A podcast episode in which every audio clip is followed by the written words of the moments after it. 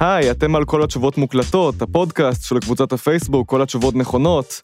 בכל תוכנית נארח כאן מרואיין או מרואיינת שמעניינים את הגולשים שלנו, והגולשים ישאלו אותם שאלות, מה שנקרא אצלנו AMA, Ask Me Anything.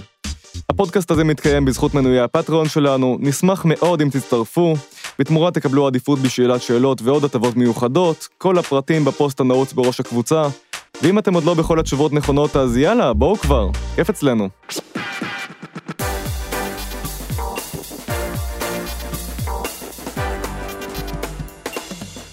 כל התשובות מוקלטות, תוכנית 19, אני דור צח. באופן קצת חריג אנחנו נתחיל אה, הפעם את הפרק עם שתי הודעות. דבר ראשון, על רקע הקורונה וכל החרדות שהיא מעוררת, אני מפנה את תשומת לבכם. יש פוסט מיוחד שהכנו בכל התשובות נכונות, הוא נעוץ עכשיו בראש הקבוצה, כמו החוקים שלה ופוסטים אה, חשובים אחרים. תמצאו בו מידע עדכני על הקורונה, קישורים לדיונים נבחרים, עזרה לעצמאים, דברים שיעזרו לכם להעביר את הזמן, וכל מה שיעזור לכם להיות קצת יותר מיודעים, אולי גם קצת יותר רגועים. אה, דבר שני, זו הזדמנות להמליץ על האפליקציה החדשה של רשת עושים היסטוריה. אה, שאפשר למצוא בחנויות האפליקציות. משהו מיוחד בה זה שהיא כוללת לא רק את התכנים של הרשת, שהם אחלה בפני עצמם, אלא גם את רוב רובם של הפודקאסטים שמקליטים היום בישראל, כולל כמובן הפודקאסט הזה, אז uh, כדאי. ועכשיו... לאנשים סגורים יש משהו שלאנשים פתוחים לא יהיה בחיים, שזה הרגע שהם מבינים שהסוד שהם סגרו בתוכם כל כך הרבה זמן הוא לא כזה נורא. ואנשים פתוחים כמו ילדות מהכיתה שלי, וסטטיק, ואורן חזן, וקרן פלס, ומוכרים בשוק האוכל, הם פשוט יודעים שהם בסדר, ואני בטוחה שזה כיף, כאילו אני בטוחה שזה כיף, תכלס הוא לא עדיף להיוולד בלי חור בלב. אבל מצד שני חור בלב הוא גם פוטנציאל נדל"ני מדהים, כי לחור ענק בלב יכולים להיכנס כל כך הרבה דברים גדולים ויפים שימלאו אותו. תודה רבה. תודה רבה. בשמחה. היי שיר ראובן. שלום. Uh, בחרתי להתחיל עם הקטע הזה, זה קטע מתוך מועדון כתב בנושא פתוח מול סגור, את לקחת את הצד הסגור, uh, משתי סיבות עיקריות. קודם כל, כי זה הקטע הראשון האחרון שלך שעלה ליוטיוב, ולא היה לי כוח לתחקיר, כי קורונה ואף אחד לא עובד חוץ ממני, uh, אבל הסיבה העיקרית זה שאני מצאתי את עצמי מאוד מאוד מזדהה עם הקטע הזה, גם מקשיב לו כמה פעמים עוד לפני התוכנית, כי גם אני כל הזמן חווה את עצמי כאדם סגור שלמד מניירות, במקרה שלי של פריקים בסנטר, כדי להיות יותר פתוח. אה, וכל פעם ששמעתי אותו גם עלתה לי אותה שאלה, האם באמת צריך חור בלב כדי שייכנסו לתוכו דברים גדולים ויפים כדי ליצור מתוכו? האם זה תנאי מקדים? האם זה הכרחי? איך אני אוהבת את זה שפשוט התחלת עם השאלה הזאת, הכי כבדה בעולם, נכון? אמרתי אני כאילו, זה. תראה, אני לא מכירה משהו אחר. אז קשה לי לענות על זה, אני לא יודעת. אני חושבת שאם היית מביא לכאן, קודם כל זאת שאלה אם לא לכל אחד יש חור בלב. זה גם שאלה טובה. שזה תעלול רטורי שעשיתי, לא, אנשים בטוחים, יש, יש להם, לכולם יש. אה, אבל אה, אה, זה מה שאני מכירה. כאילו, אני חושבת ש... אז כן, מניסיוני כן, אתה צריך את זה. איך בכלל הגעת לקטע הזה? כלומר, איך בכלל הגעת לדבר על עצמך בצורה... את יודעת, את קומיקאית, את מדברת על עצמך כל הזמן, אבל ראיתי את הקטע הזה ואמרתי, יוצא כאן משהו אחר, יוצא כאן משהו מאוד, מאוד חשוף, יוצא כאן משהו מאוד מאוד מאוד אישי, אפילו, אפילו יותר מהרגיל. איך עוברים תהליך עם עצמך כדי בכלל להצליח לדבר על דברים כאלה? אמ, לי אף פעם לא הייתה בעיה, אני חושבת, לדבר על דברים כאלה. אני חושבת שבסופו של דבר תמיד יש עוד שכבה שאפשר לקלף. אמ, אז אולי זאת לא הייתה, מבחינתי זה לא היה דבר כל כך... אמ, אוקיי, אני אחלק את התשובה לשתיים, למעשה. קודם כל, אני חושבת שהרבה יותר קל לדבר על, אפילו אם זה לדבר על עצמך בצורה נורא אישית, אם אתה מסדר את זה בצורה שהיא אסתטית. זאת אומרת, אם יש איזושהי אסתטיקה. אה, לדבר. וכשאני אומרת, אני, מה שנחמד במועדון כתב, וגם קשה בלכתוב למועדון כתב, אה, זה שזה נורא דיכוטומי, פתוח או סגור, ברור שכולם גם פתוחים וגם סגורים, זאת אומרת, זה כל הזמן המשחק הזה. ובגלל שאתה צריך לבחור צד אחד מתוך הדבר הזה, זה מסדר את הכל בצורה שהיא מאוד אה, אסתטית. אני בן אדם סגור, אני ככה, אני זה, אני זה, אני זה. אז זה מראש מנטרל איזושהי מורכבות שהופכת את זה לפשוט יותר אה, לעיכול. אז כן הרגשתי שהקטע הזה הוא לגמרי אני, וכתבתי את זה על עצמי, וזה מאוד מאוד אישי, אבל הרגשתי שהוא אסתטי מדי כדי להיות, כדי לגעת בי באמת, וכדי שזה יהיה באמת הפצעים והדברים שאני מדברת עליהם בטיפול ובוכה. אה, אז זו תשובה אחת. אה, והתשובה השנייה היא שאני חושבת שכאילו, שוב, תמיד יש עוד, תמיד יש עוד מקום פגיע. לא דיברתי על ההורים שלי, לא דיברתי על אה, יחסיי עם אנשים שקרובים אליי בחיי, דיברתי על איזשהו משהו שהוא מאוד קשור אליי. אני חושבת שאת עצמי אף פעם אין לי בעיה לחשוף. את המנגנונים שלי זה לא מרגיש לי כמו, זה אף פעם לא הרגיש לי כמו דבר שאני צריכה להסתיר. אז מה כן? מה כן? אני לא אספר. ניסיתי. תקשיב, אני חייב להגיד לך, אנחנו תכף נעבור לשאלות מהגולשים, אבל מהמם. איך בכלל מצליחים לעשות דברים בתקופה האחרונה? איך בכלל מצליחים לכתוב? איך בכלל, אין בתי קפה פתאום. אני אף פעם לא כתבתי בבתי ו- קפה, אז אה, לי זה לא מפריע. וגם אני לא אוהבת קפה, אז בכלל הקורונה באה לי מדהים. כן, את מעדיפה את ההסתגרות הזאת? אני יכולה רק בהסתגרות הזאת. זאת אומרת, אני מרגישה שאני, כדי לכתוב, אני צריכה לבודד את עצמי גם בתוך הבית שלי. אז בבית קפה, זה החוץ, אה, הוא מפריע לפנים. אני צריכה להיות באיזושהי בועה שלי עם עצמי, ו- ולעבוד ולברוא את העולם הזה ולהגיע, ו- וזה דיאלוג נורא צלול עם עצמי, בסופו של דבר. אם יש עוד אנשים בחדר, אני לא מצליחה לעשות את זה, אני לא מצליחה להגיע לדיאלוג הזה. אם שרון כאילו איתי בחדר, אני לא מצליחה לעשות את זה. שרון בת זוגי, אם, אה, אם אני חברה בחדר, זה, אני לא יכולה. את לא מרגישה את הצורך הזה באיזשהו פינג פונג בתוך החדר? כלומר, אין לך את העניין הזה של אני חייבת לעבוד בחדר כותבים, או אני חייבת לעבוד דווקא עם עוד אנשים? כאילו, נגיד שגלית חוגי הייתה פה, אמרה בדיוק את ההפך. אמ, לא, אני חושבת שיש, אני אוהבת שעורכים אותי, אני מאוד אוהבת שעורכים אותי. אם אני כותבת ויש בן אדם אינטליגנט וחכם ומוכשר שקורא את זה ויכול להגיד לי פה, פחות, פה יותר, זה מדהים לי, זה מושלם. אבל פינג פונג, אמ, לא, אני אוהבת, אה, אני, אני אוהבת לכתוב לבד. מה את כותבת בימים אלה? אני עובדת על סדרה, אה, להוט, אה, שאמורה להצטלם בספטמבר, נקווה שהקורונה עד אז תהיה כזה, אוי, זוכרים את הקורונה, איזה שטויות. איזו תקופה מוזרה זאת הייתה, איך קנינו כן. נייר טואלט? מה אני אעשה? עוד לא סיימתי את כל הנייר הטואלט שקניתי.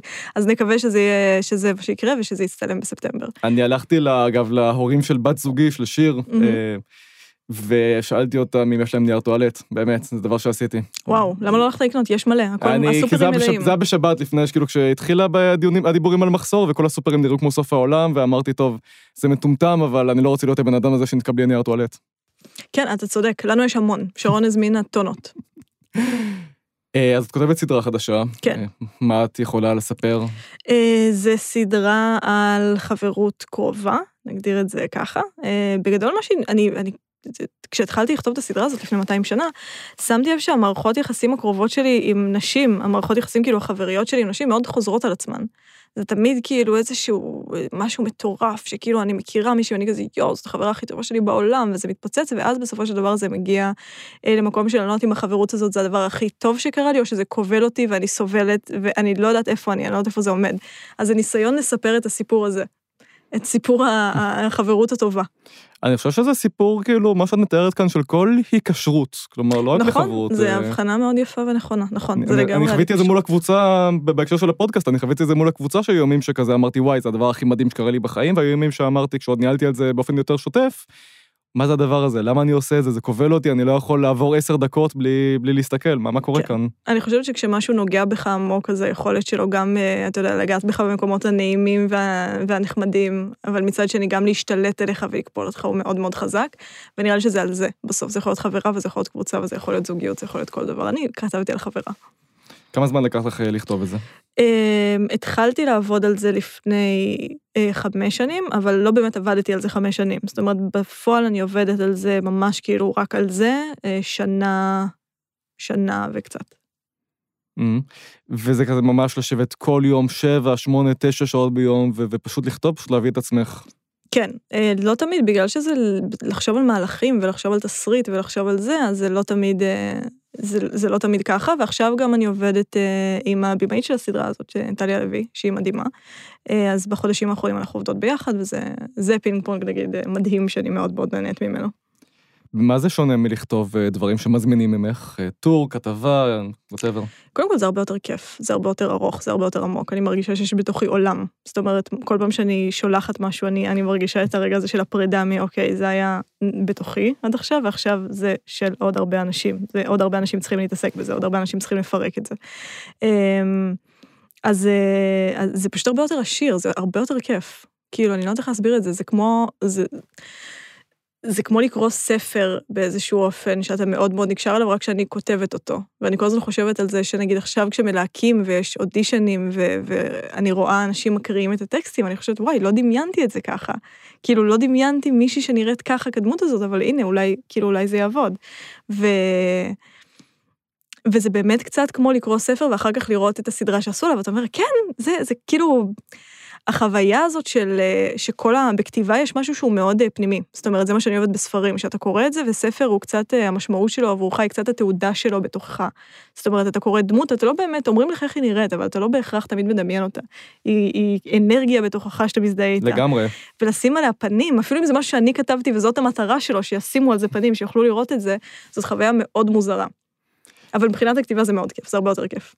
כאילו זה קצת נשמע כאילו את הולכת לישון, חולמת משהו, מתעוררת בבוקר, ואז שחקנים מציגים את החלום שלך. אה, זה נשמע מקום. מדהים מה שאמרת, ואני מקווה שיהיה שירות כזה בעולם המערבי, אם הוא לא יקרוס. אם לא, בואי נפתח אותו מחר. וואו, כאילו, זה לא. זמן טוב לכלכלה, אבל אה, אבל מרחוק, כאילו. זה מה שמבאס, אני מקווה שיפן תשרוד, כי זה יכול, השוק היפני הוא השוק שלנו, במה שאמרת עכשיו. לגמרי. כן. תראי, אה, אני מכיר אותך, נראה לי באזור החצי חיים כמעט. כן, אנחנו מכירים המון זמן. המון זמן, אה, את, מ- שנינו מעוטף תל אביב, אני מרמת גן, את מראשון, ואיכשהו ככה. מחמיא מאוד לראשון העיר שזה, שקראת לעוטף תל אביב. תודה רבה. אני, בשם, אני אעניק לך את מפתח העיר בסוף הפודקאסט. זה גם מפתח לנאפיז או שזה כאילו? לא, לא, לא. לא? נאפי זה מפתח אחר, נאפי זה מפתח הבצקים. מפתח בוא- הלב. לא נערבב. אה, ואני זוכר באמת שתמיד כתב, תמיד יצחק, תמיד כאילו זה, ואני אף פעם לא שאלתי בעצם איך הגעת לזה, איך התחלת. מה, לכתוב? לכתוב, להצחיק, לתקשר, כאילו, בצורה הזאת. מתוך בדידות, כמו כולנו. את זוכרת סיטואציה ספציפית? כן, אני ממש זוכרת. אני הייתי בכיתה י', אמ, והייתי מאוהבת במישהי, מאוד. וזה היה הרגע שכאילו חשב, לא חשבתי את זה אפילו, פשוט הייתי כזה, fuck, אני לסבית. זה, זה, זה הדבר, אני לסבית. איזה זין. זה פשוט מה שחשבתי. עכשיו, המחשבה הזאת כל כך הפחידה אותי, שאפילו לא חשבתי אותה במילים. חשבתי אותה בחרדה, פשוט הייתי בחרדה, ורציתי להסתובב עם הילדה הזאת כל הזמן, וכאילו, אתה יודע, משהו בתוכי אמר לי, אחי, את מאוהבת בה, את לסבית. אבל זה הפחיד אותי. אז כמובן שעשיתי את הדבר אה, הכי הגיוני לעשות, ופשוט הפסקתי לדבר איתה לכל החיים בלי להגיד שום דבר, היינו חברות הכי טובות, יום אחד פשוט לא דיברתי איתה, אמרה לי היי, ופשוט הלכתי לצד השני והייתי כזה, אני לא מדברת איתך יותר, אני לא אהיה לסבית היום, וכאילו, זהו, חמקת מהכדור, ו... בדיוק, בדיוק. אה, אבל נהייתי נורא נורא בודדה, כי לא רק שהייתי, כאילו, אתה יודע, זה לא רק ש... איבדתי את חברתי הטובה ביותר, גם הייתי כזה, איבדתי מישהי שאני מאוהבת בה, והחור שנפער בתוכי היה כל כך גדול, שלא ידעתי איך למלא אותו. ואני חושבת שכשאתה מאוהב, אה, ואתה רחוק מהבן אדם שאתה מאוהב ממנו, אז הרבה יותר קל, יש משהו בך שרוצה להפוך להיות הוא, כי אז אתה מרגיש אותו. או שאני כאן נכנסת לטריטוריות שהן רק שלי, אני לא יודעת איך לא, להסביר לא, את לא, זה. ממש לא, אני מבין מאוד מה את אומרת. אוקיי, אז זה מה שהרגשתי, ואני זוכרת שרציתי את הדיאלוג הזה איתה מאוד, ולא היה לי את הדיאלוג הזה איתה, וזה שיגע אותי, כי כאילו כל הזמן, כל רגע שקרה לי, כל דבר שקרה לי, עד אז התרגלתי איזשהו מורכב באיזשהו אופן בקשר איתה. אני מספרת את זה לה, אנחנו נצחק על זה, קרה לי הדבר הזה, תזכרי את זה, אנחנו נדבר על זה איתה, זה יהיה מצחיק, ולא היה לי את זה יותר. אה, מה שכן היה, זה בלוגים באינטרנט. אז אמרתי, את כל הרגעים האלה שהייתי מספרת לה, אני פשוט אכתוב בבלוג הזה. והבלוג שלי במשך המון המון, כאילו, חודשים, היה פשוט אה, אה, מכתב פתוח לבחורה הזאת, שחשבה שאני שונאת אותה. וששנאה אותי, ושכאילו רבנו אחר כך והכל היה זה, ואני הולכת הביתה בסוף היום וכזה, "אה, מה שקרה לי, ואני כותבת את זה לה בעצם. אז זה היה הדבר, וזה מאוד עזר לי. כאילו, זה מאוד, כתיבה היא התרופה היחידה שמצאתי עד כה לבדידות, כאילו. אני מאוד מזדהה, כי היה לי בלוג מאוד דומה. אה, שאני באמת אתן המון המון כדי למצוא אותו, כי מה שקרה זה שכתבתי אותו, ואז הפסקתי לעדכן אותו, כי הגעתי למסקנה שאני לא אמור להתעסק בשטויות האלה יותר, ואני אמור לעבור לכתיבה עיתונאית רצינית, הייתי בן איזה 17, מהמם. ואז הבלוג נמחק, כי כידוע בישראבלוג, בלוג שלא יתעדכן בתוך שלושה חודשים יימחק. אני הייתי בתפוז, ואני חושבת שהוכחנו ידו של איזה, ידה של איזה בלוגייה היא על העליונה. תשמעי, בישראבלוג עכשיו מנסים אה, שוב להחיות אותם מחדש, זה מדהים, יש ממש אנשים שזה פרויקט חייהם להחיות את ישראבלוג. תפוז עדיין חי, ואנשים עדיין מפרסמים שם את הבלוגים שלהם. ומתי עברת להיות מול אה, מצלמה? אה, מתי? אני חושבת שב-2016 היה את המועדון של גיא זוהר, והם הזמינו כמה סטנדאפיסטים לעשות שם קטע על אקטואליה, ואני חושבת ששם עברתי להיות מול מצלמה, שזה לא על במה, זה מול מצלמה. Mhm. האמת ששכחתי את האלבמה בדרך, כאילו, אז... אה, כן, כן. זה מעבר חשוב. היה מעבר, היה, כן, היה שלב ביניים אחד. כן. נכון. איך הגעת לזה ואיך זה היה, כאילו, מה... לבמה? כן.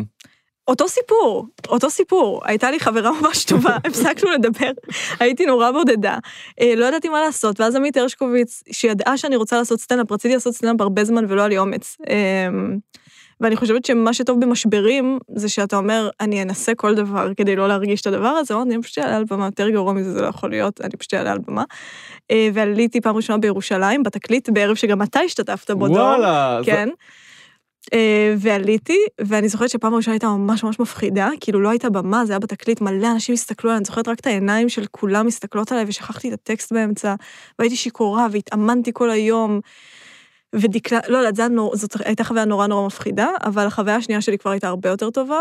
אני אגב זוכר את הערב הזה מצוין, אני זוכר גם את ההופעה שלך מצוין מהערב הזה. זה מקסים מצדך. כי, ואני אני זוכר כאילו שאני יושב ואני כאילו רואה את זה ואני אומר, באמת, אני חושב שירדת מהבמה אחרי, אחרי איזה שלוש דקות, כאילו, שלוש באמת לא- דקות, לא, לא זוכר כן. את הטקסט.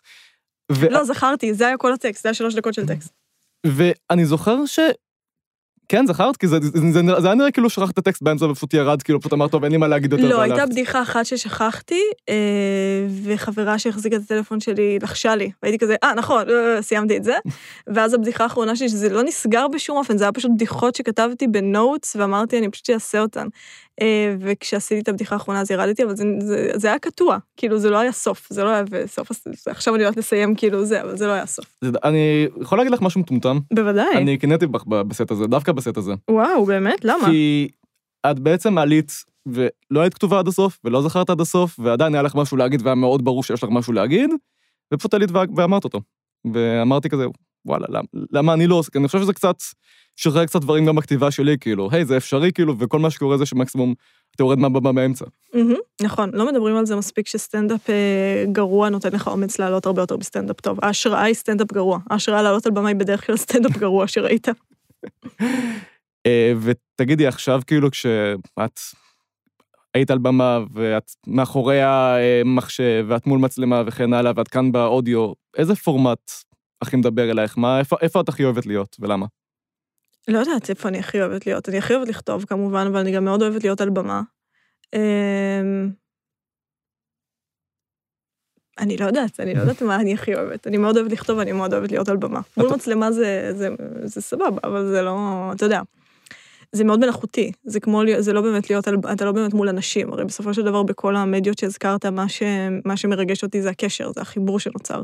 אם אני כותבת משהו ואנשים קוראים אותו ואנשים מזדהים איתו וזה נוגע באנשים, אני מרגישה חיבור, אני מרגישה פחות לבד, אני מרגישה חיבור עם עצמי, לכתוב זה, בשבילי זה, זה דיאלוג, זה שיחה עם עצמי. אז כאילו, אה, מול מצלמה פחות, יש את זה, יש את זה בדיליי, יש את זה בצורה קצת מלאכותית, אבל על במה ולכתוב זה מאוד כיף. אה, את מרגישה שדברים שעשית מול, מול מצלמה היו פחות מחוברים למי שאת, כאילו? אולי, גם דברים שעשית שהם יהיו יותר פוליטיים, נגיד, שהם פחות היו, היו את? אמ, אני לא חושבת שפוליטיקה כל כך מעניינת אותי באופן כללי. מהמם. זאת אומרת, זה לא מעניין אותי. סאטירה זה חד משמעית לא התשוקה שלי.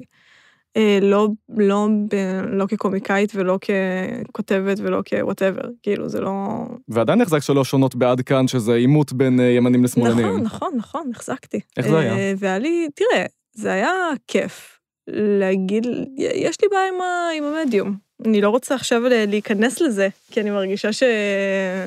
אני לא רוצה... לשרוף לעתיד? I eat, אבל אה, בגדול, אה, כן, אתה יודע, זה קשה לי. היה לי קשה. ועדיין, ה- אני ראיתי עכשיו את התוכנית המאה של עד כאן, בעונה השלישית לדעתי, כן. כשכל אחד סיכם מה הוא למד מהתוכנית, היה לך סיכום לזה של, של עשר שניות שהיה פשוט וואו. מה אמרתי? אני למדתי שהימין לא מחבב אוטומטית את ביבי. חלקו אוהב אותו, חלקו מעריץ אותו, וחלקו נמשך אליו בסתר, ואז צריך להרביץ לעצמו ביד כדי שאלוהים לא יכעס.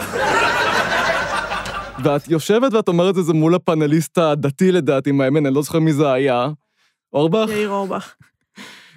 זה קשה לך להיות, לעמוד במקום כזה? קשה לך להגיד משהו שאת יודעת שיכול אשכרה לפגוע במישהו, לעצבן מישהו? לא, הם היו מגעילים אלינו, הם פגעו בנו כל הזמן. זה על הזין שלי, אני אפגע בהם שוב ושוב.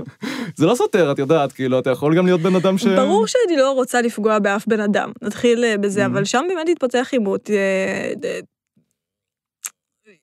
אני לא יודעת איך לענות על זה. אה, לא, זה לא הפריע לי להגיד את הדבר הספציפי הזה, כי אני חושבת שבכל אינטראקציה עם בן אדם אתה מאוד מרגיש את גבולות הגזרה של מה יפגע בו ומה לא יפגע בו. לא היה לי ספק שזה לא יפגע באף אחד שם. אה, אבל במהלך התוכנית הזאת כן נאמרו דברים שגם פגעו בי. נאמרו דברים הומופובים הרבה פעמים, שנחתכו החוצה, שלא היו בעריכה, כי גם, אתה יודע, אנחנו בכל זאת בגוף שידור שלא יאפשר שדברים כאלה יאמרו, נאמרו לי מאחורי הקלעים הרבה פעמים דברים הומופובים שהם כאילו בצחוק, והם כאילו בצחוקים, נפגעתי מהם.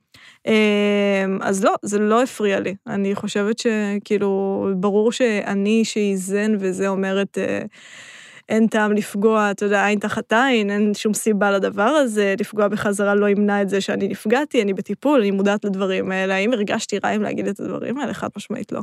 הייתי אומרת אותם שוב, וחמור יותר. את מרגישה, אגב, כל המחאה של הסטנדאפיסטיות בשבועות האחרונים, שסטנדאפ מאחורי הקלעים, אמירות כאלה, אמירות הומופוביות נגד, אני בכוונה מרחיב את זה מעבר להטרדות מיניות, אני מרחיב את זה לאווירה מאחורי הקלעים. את מרגישה שהאווירה משתנה, צריכה להשתנות, שיש דברים שלמרות הסטנדאפ, למרות הסאטירה, למרות הכל, פשוט לא צריך להגיד אותם?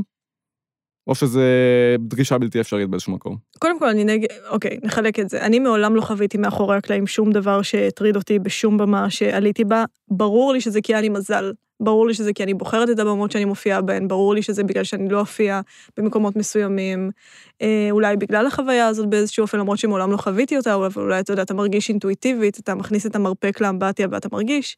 אז לי אף פעם לא קרה הדבר הזה. אני לא רוצה גם להגיד סתם, אני, כי אני הרגשתי שזה אולי יקרה, זה פשוט לא קרה לי, כי אני גם מופיעה במקומות שהם עם חברים תמיד. אני כמעט תמיד מופיעה או עם חברים או לבד. אז...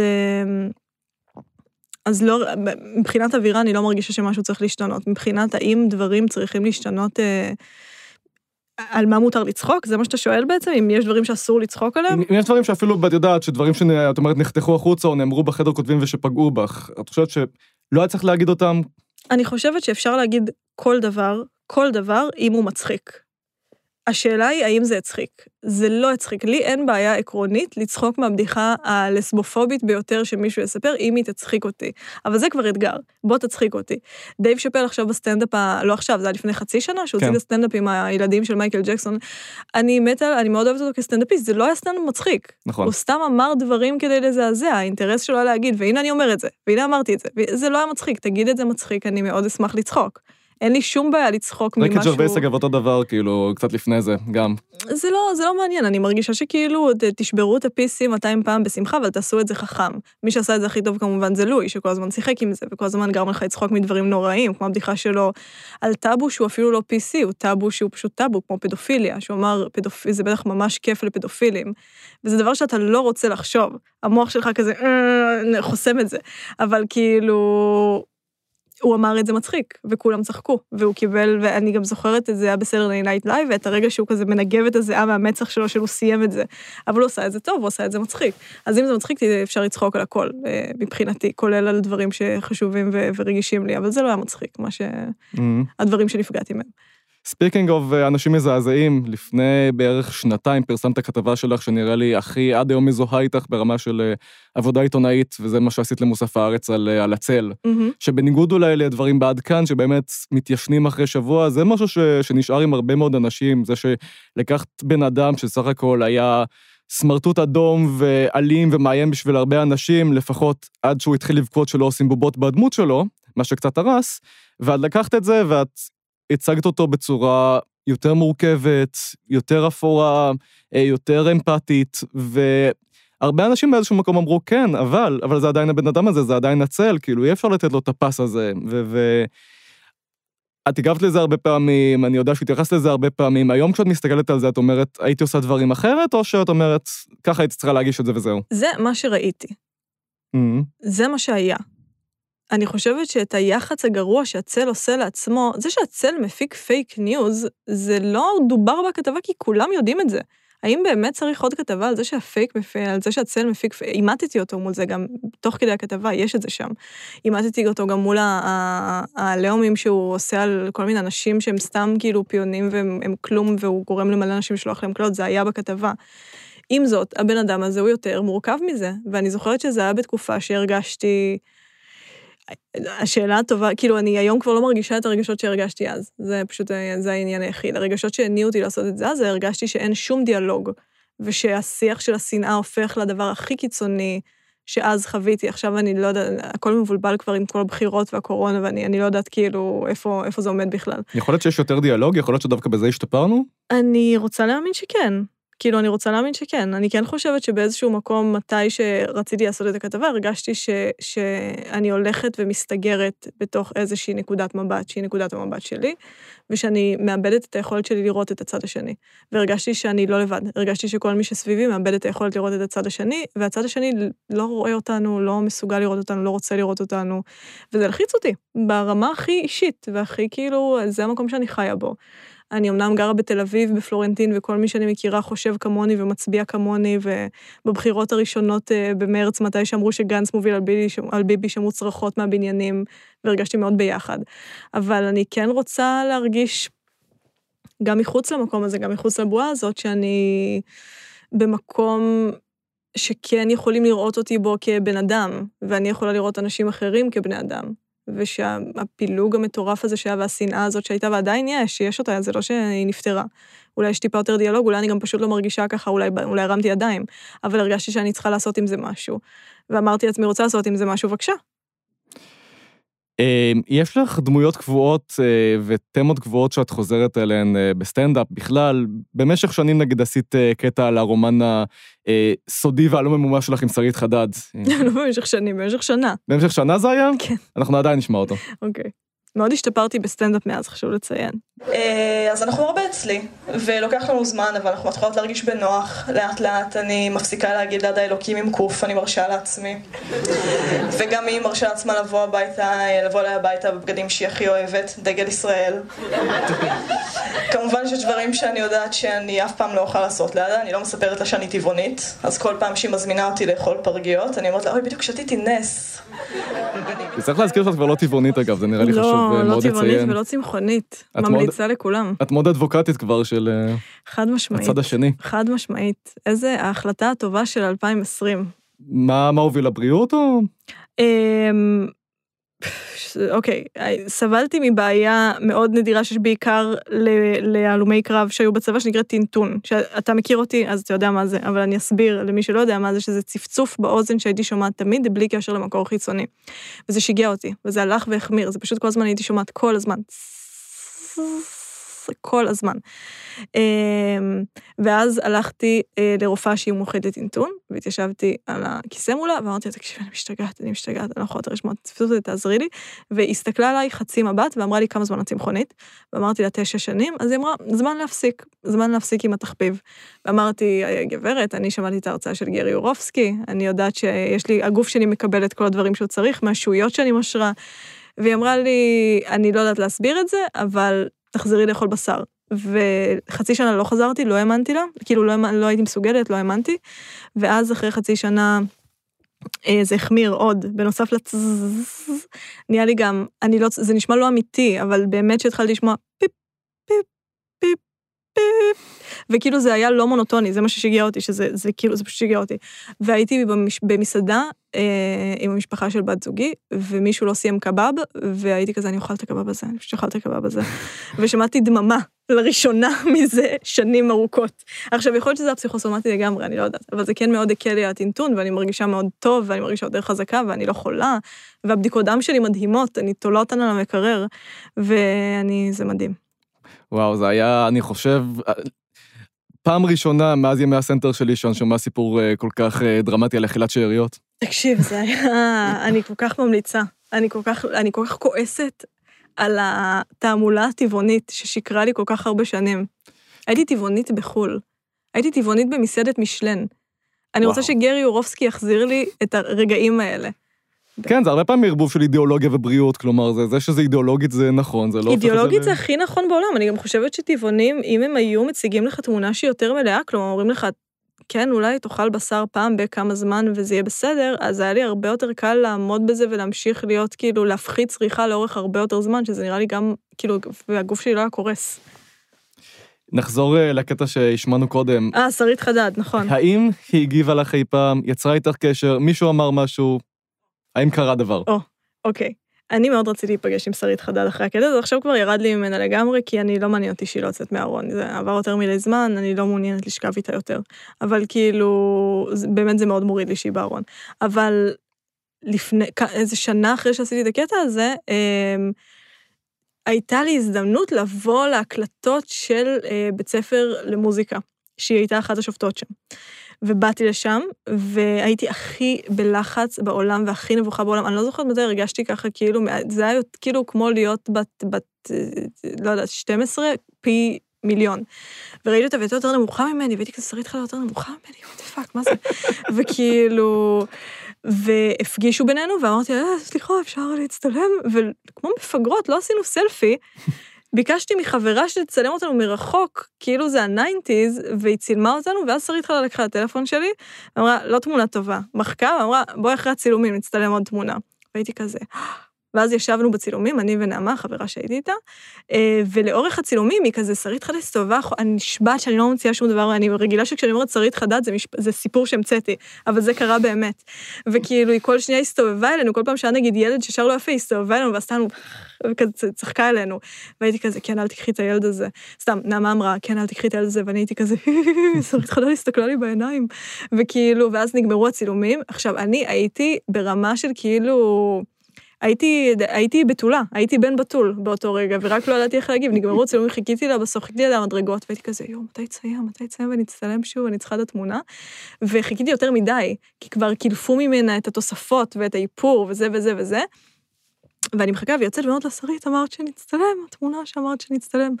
ואז היא אמרה, אה, כבר הורידו ממני את כל הדברים, טוב, יאללה, נעשה סלפי. עשינו סלפי, אני נראית בהתמוטטות עצבים בתמונה הזאת, אני פשוט עוברת התמוטטות עצבים. אה, ואז הלכתי משם, התרחקתי לאט. עכשיו, פרט שחשוב לציין זה שבשום שלב לא אמרתי לה מה השם שלי, לא הציגו בינינו, לא, לא הכירו בינינו בשמי, כאילו, בשם, לא הסתבכתי עם המשפט הזה. אה, ואז אני מתרחקת, ואני מסתכלת על התמונה, מעלה אותה לאינסטגרם, בוחרת את הפילטר. ואז אני שומעת את שרית חדד אומרת מאחוריי, שיר, ואני כזה, כן. ואז היא אמרה, תזמיני אותי להופעה פעם.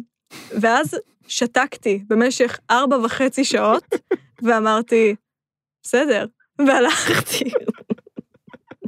אז לדעתי היא ראתה. אה, יש לי עוד שאלה כתיבה אלייך. בטח. אה, וזה על דימויים. כאילו, אחד הדברים שגם חזרו בתגובות אצלנו כשאמרתי שאת באה, זה שיש לך נטייה לדימויים מאוד לא שגרתיים ומאוד מאוד זכירים. נגיד מישהי כתבה שעד היום היא חושבת על רובי ריבלין כחמוד כמו דולפין. אני משתמש המון באישיות של לונג על אה, סטלנים, mm. וגם על עצמי לפעמים.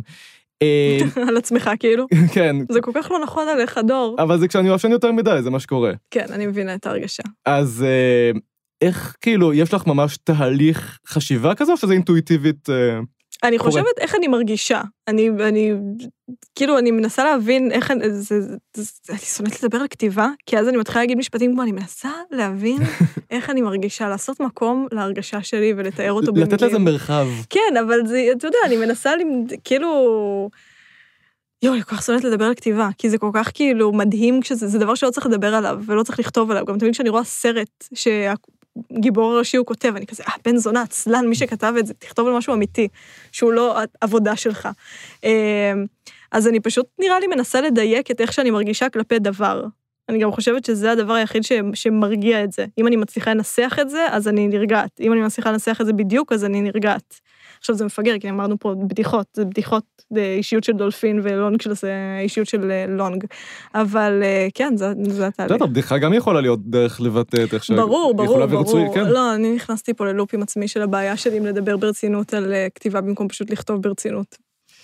את כבר לא כל כך בפייסבוק בימים אלה, שזה חבל לנו. דווקא חזרתי בגלל הקורונה. חזרת קצת, כן, אבל פחות ממה שנראה לי היית פעם.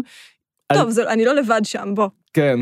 אה, לא, אני יכול לגמרי להבין, אה, אבל על, עלתה יותר מפעם אחת אה, בתגובות אה, שאלה מה הסיפור, איך התחיל, איך נפסק ומה קרה בביקורת צרכנות על דברים שדפקתי. התחיל כמו כל דבר שהתחלתי לכתוב אי פעם מבדידות גדולה.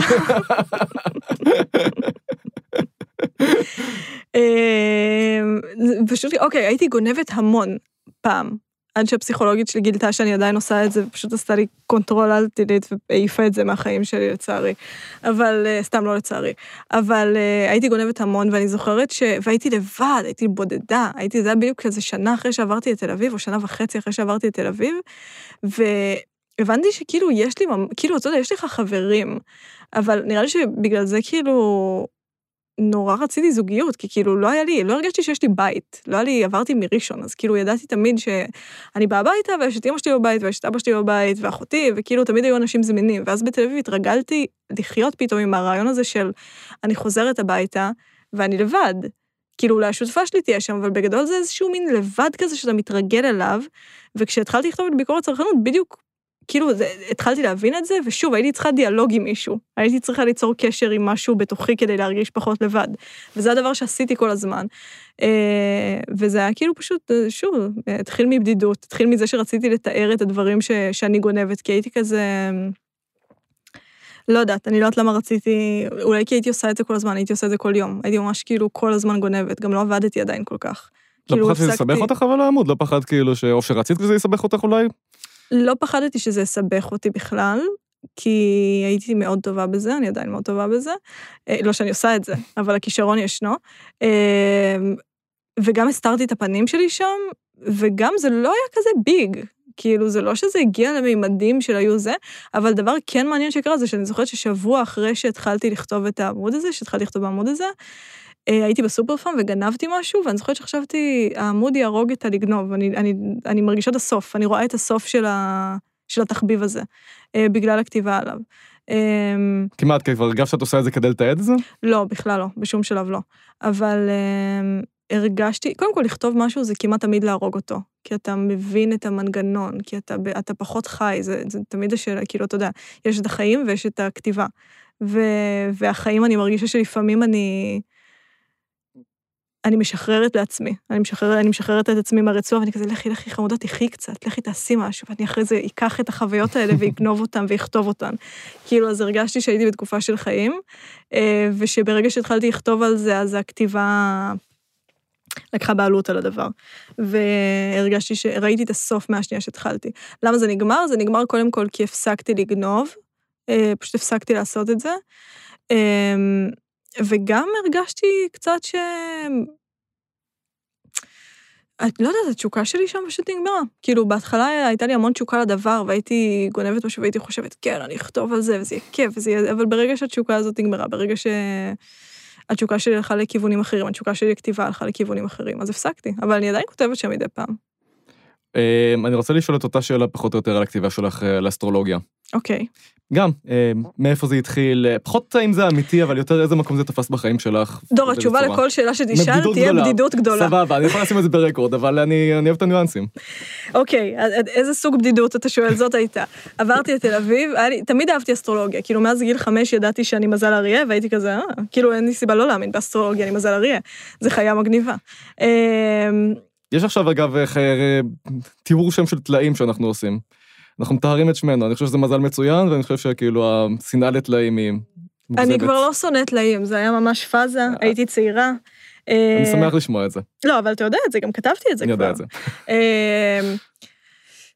אז אוקיי, אז עברתי לתל אביב, ואני זוכרת שהייתי, שוב, בדידות, בדידות, הייתי לבד, הייתי, לא ידעתי מה קורה איתי, לא עבדתי, פתאום הייתי צריכה לעבוד בכל מיני עבודות חרא, פתאום הייתי מלצרית, פתאום הייתי, הי, הייתי טבעונית ממש אז, הייתי ממש טבעונית אז, כאילו ברמה של אם נגע במשהו מיונז, הייתי כזה לא, ועכשיו אני לא אוכלת משהו אם לא נגע בו מיונז.